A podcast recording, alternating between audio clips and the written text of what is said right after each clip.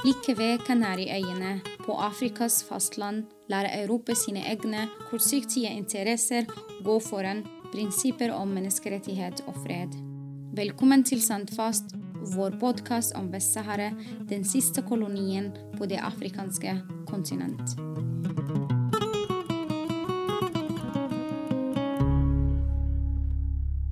Tamin er hva vi saharawi-flyktninger kaller den humanitære bistanden som vi får hver måned. En lastebil kjører varene til hver leir hvor alt blir delt likt mellom folk, og det er flyktningen selv som er ansvarlig for distribusjon. Fra Verdens matvareprogram mottar flyktningene normalt hvetemel, olje, linser og ris. Hvor mange kilo eller liter hver person burde ha, det har saharawiske flyktninger kontroll på. Det som de ikke har kontroll over eller nok kunnskap om, er hvor mye ernæring verdi i hver type mat de får. Mat er mat, tenker vi i flyktningleirene. Men for dagens gjest, hva slags type mat du får, kan avgjøre om en kvinne f.eks. klarer en barnefødsel.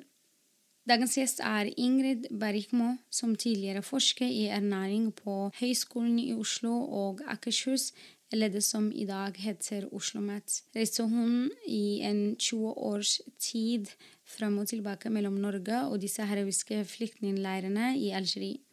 Det var et prosjekt drevet av Kirkens Nødhjelp, men som dessverre ikke lenger drives. Men kompetansen har vi her fremdeles. Få om noen kan mer om denne veldig kritiske ernæringssituasjonen til flyktninger fra Vest-Sahara enn Ingrid. Og Derfor så har jeg bestemt meg å dele den episoden i to. Det er ingen i verden som kan om ernæringssituasjonen i leirene. Og jeg mener at dere og meg vi kan lære så mye av Ingrid og hennes erfaring og research fra leirene. Velkommen, Ingrid. Jeg er veldig glad for at du kunne være med oss i dag. Velkommen. Hjertelig velkommen. Takk skal du ha. Og jeg setter veldig pris på å bli spurt, så det skal bli gøy å få lov til å prate litt. Du er utdannet innen noe som heter eh, altså i ernæring, og du har jobbet i Kirkens Nødhjelps beredskapsgruppe i 17 år. Hvordan endte du opp med å jobbe med disse heroiske flyktningleirene? Husker du dine første inntrykk fra første besøk? Det husker jeg veldig godt. Det, men det hele starta med at uh, på vinteren, eller tidlig vår, i 1999 så var det Ronny Hansen som tok kontakt med Kirkens Nødhjelp fordi at helsemyndighetene i de sahariske flyktningleirene hadde bedt om hjelp, spesielt når det gjaldt jeg tror nok når det gjaldt sykehus. Altså at det var det som lå til grunn. Og så hadde Kirkens Nødhjelp tatt kontakt med Universitetet i Oslo, for både eh, meg og min kollega Live Liden Thorheim jobba der da og hadde prosjekter. Og vi hadde prosjekter i Mali, så vi var, i, vi var vant til å være ute og reise. Men ingen av oss hadde reist for Kirkens Nødhjelp da, men vi reiste for andre organisasjoner. Men iallfall tok eh, Kirkens Nødhjelp kontakt med oss. Og vi, hun hadde veldig lyst. Vi er begge to utdanna som ernæringsfysiolog i samfunnsernæring. Og I tillegg så har jeg også noe som kalles næringsmiddelteknologisk utdannelse. Så jeg er interessert i mat og hvordan mat produseres og sånne ting som det. Så vi var veldig interesserte. Så vi heiv oss på. Eh, hadde et intervju på Kirkens Nødhjelp hvor de spurte oss litt sånn Hvordan kan dere klare dere i enkle forhold, og hvis ikke dere har alle ting tilgjengelig og sånt. Og vi var jo vant til det. Vi hadde jobbet et par år allerede i Mali, så det var ikke noe problem for oss. Så det ble samarbeid mellom Kirkens Nødhjelp og eh, Høgskolen i Oslo, eller Akershus? Ja, og da var det egentlig universitetet. Så det starta med Universitetet i Oslo, men så gikk jeg over til høyskolen noen år etterpå. Sånn at det samarbeidet fortsatt. Så når vi, kom, når vi kom dit, da, så var vi egentlig innstilt på at vi skulle jobbe med det som kalles sårbare grupper. Og da tenker vi ofte når det gjelder ernæring, så tenker man på barn og kvinner og gravide. Men også er jo Syke folk er jo også sårbare. Gamle folk er sårbare. Så det er liksom de typiske gruppene. Og så har du tenåringer, kan jo også være sårbare. så det er liksom, Men i utgangspunktet vi var litt innstilt på at vi skulle jobbe med, med mor og barn. For det var det vi drev mest med i Mali. Så det var det vi hadde mest vant til å gjøre. Og så kom vi ned. Og så viste det at mor og barn-prosjektet det var allerede ivaretatt av en annen organisasjon. Og de gjorde en god jobb. Og så kom det frem at nei, de var interessert i å få hjelp på sykehusene.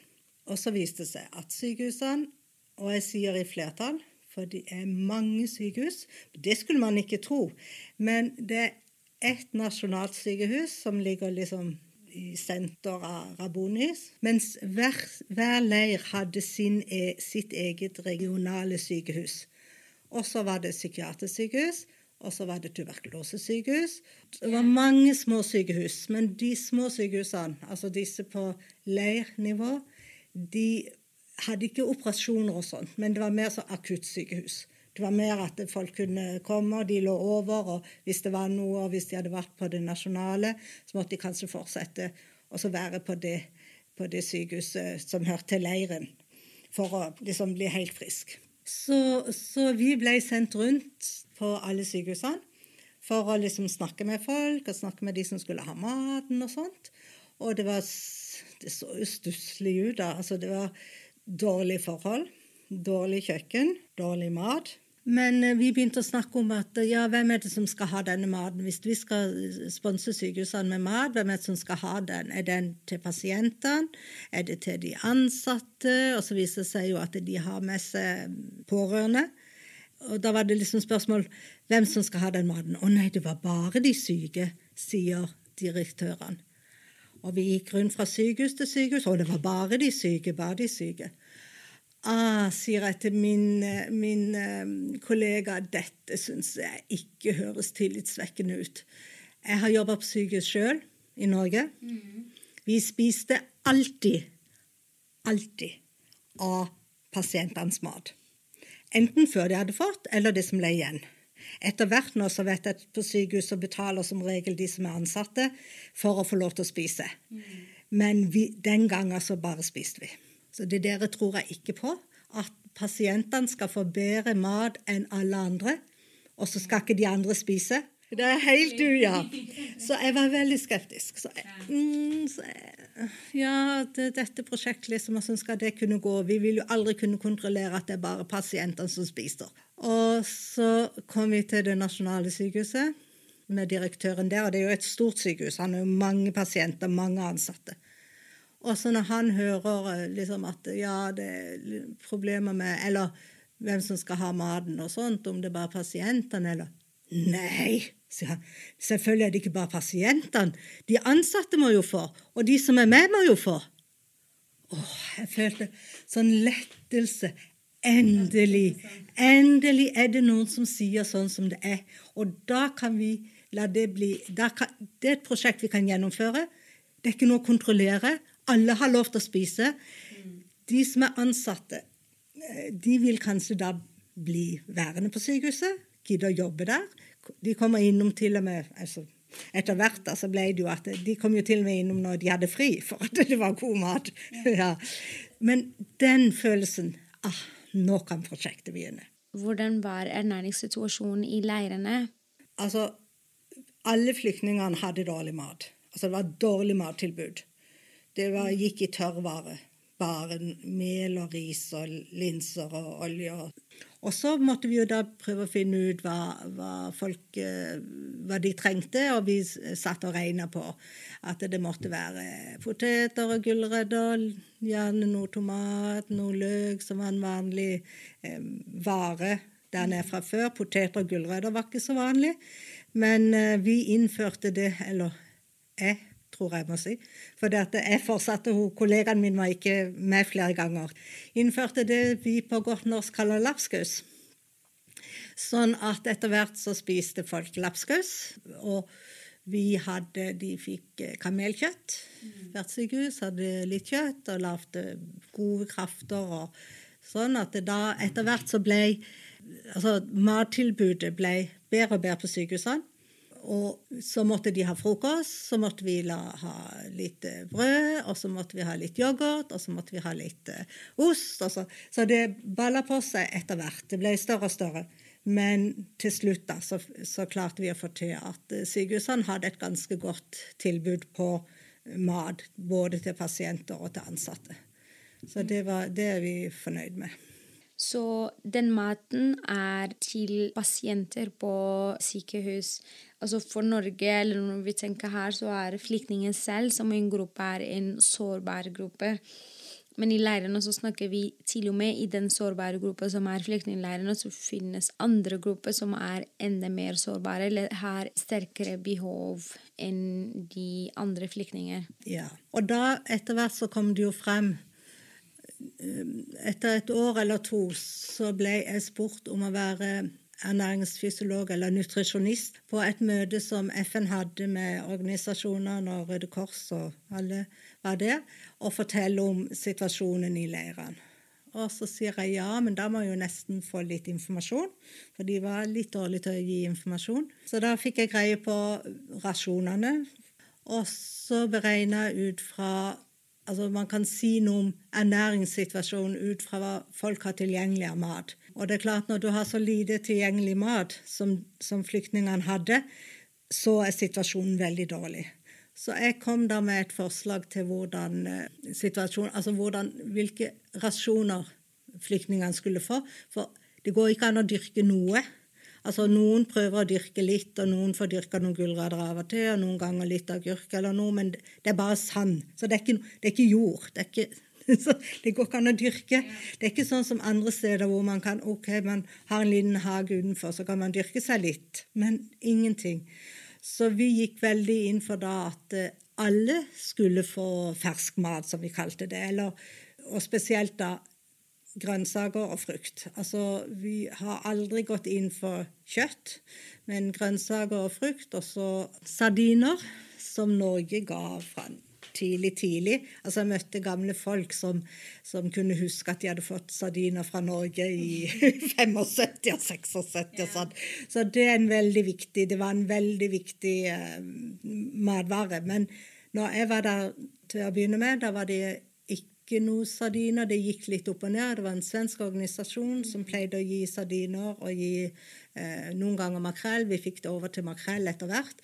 Litt tunfisk et par år. Men det var en svensk organisasjon som gjorde men eh, det var, Så det var veldig viktig. Men etter det møtet i 2000 så begynte vi å bearbeide de andre organisasjonene til at det skulle gis mat i den generelle rasjonen, altså ferskmat til alle.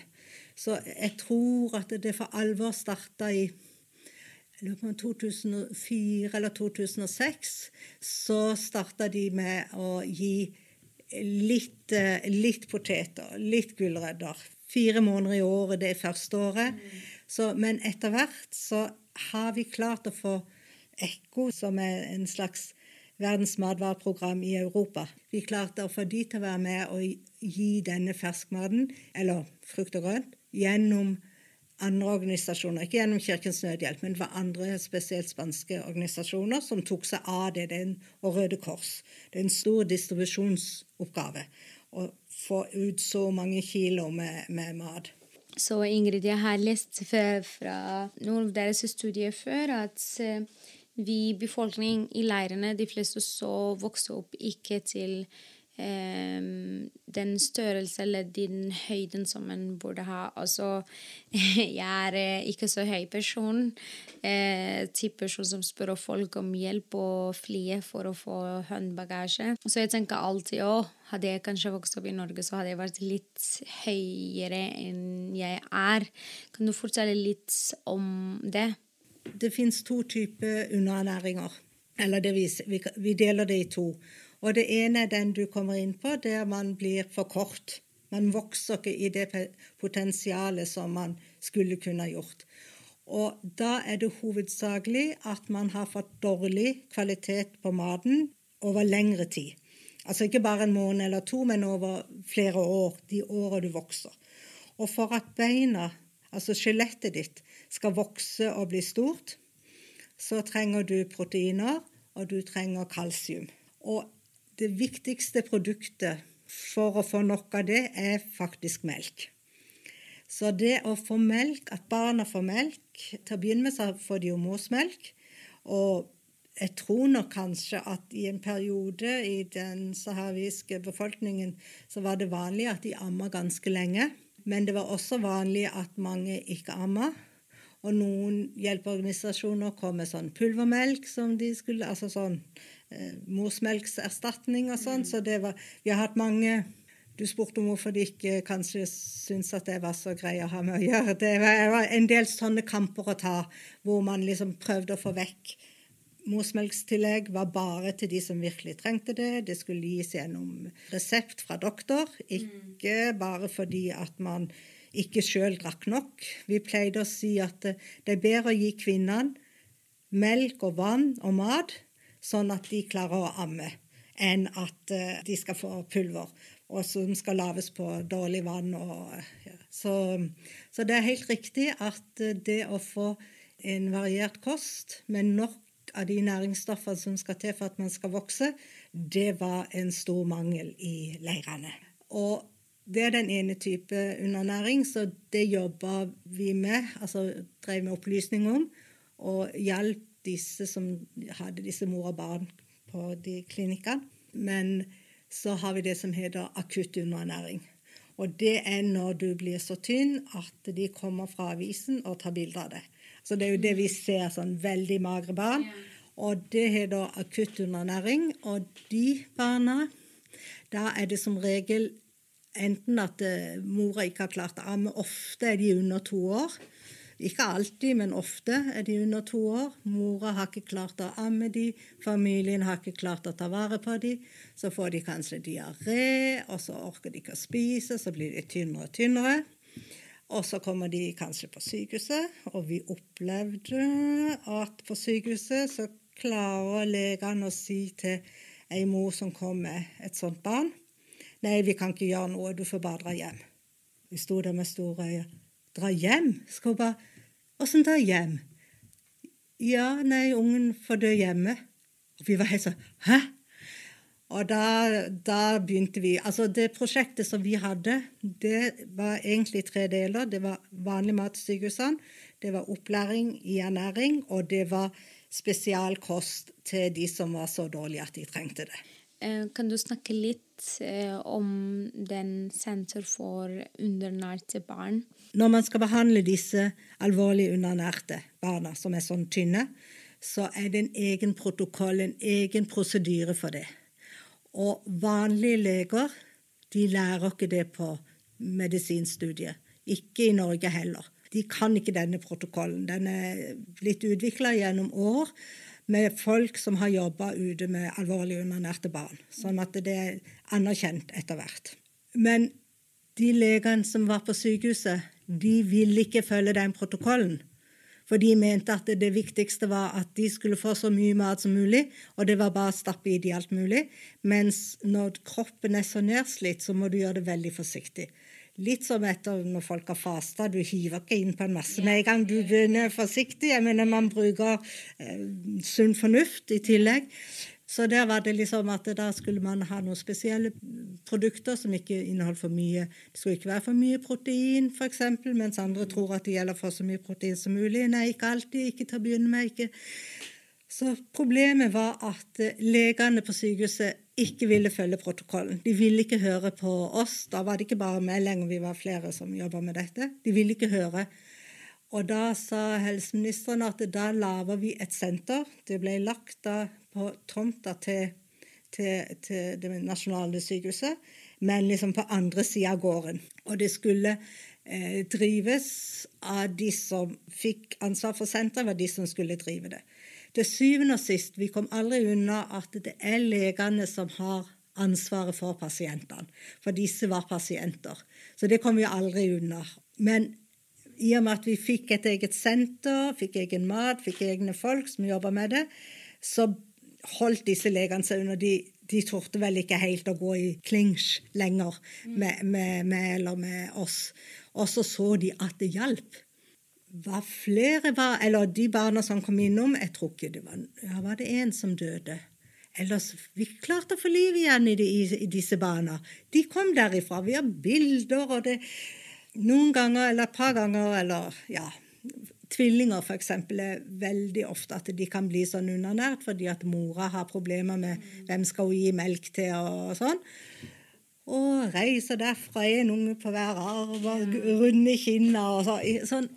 Så det gikk an man, hvis man fulgte den protokollen. Hvis du vil lære mer om konflikten, gå til vest-sahare.no.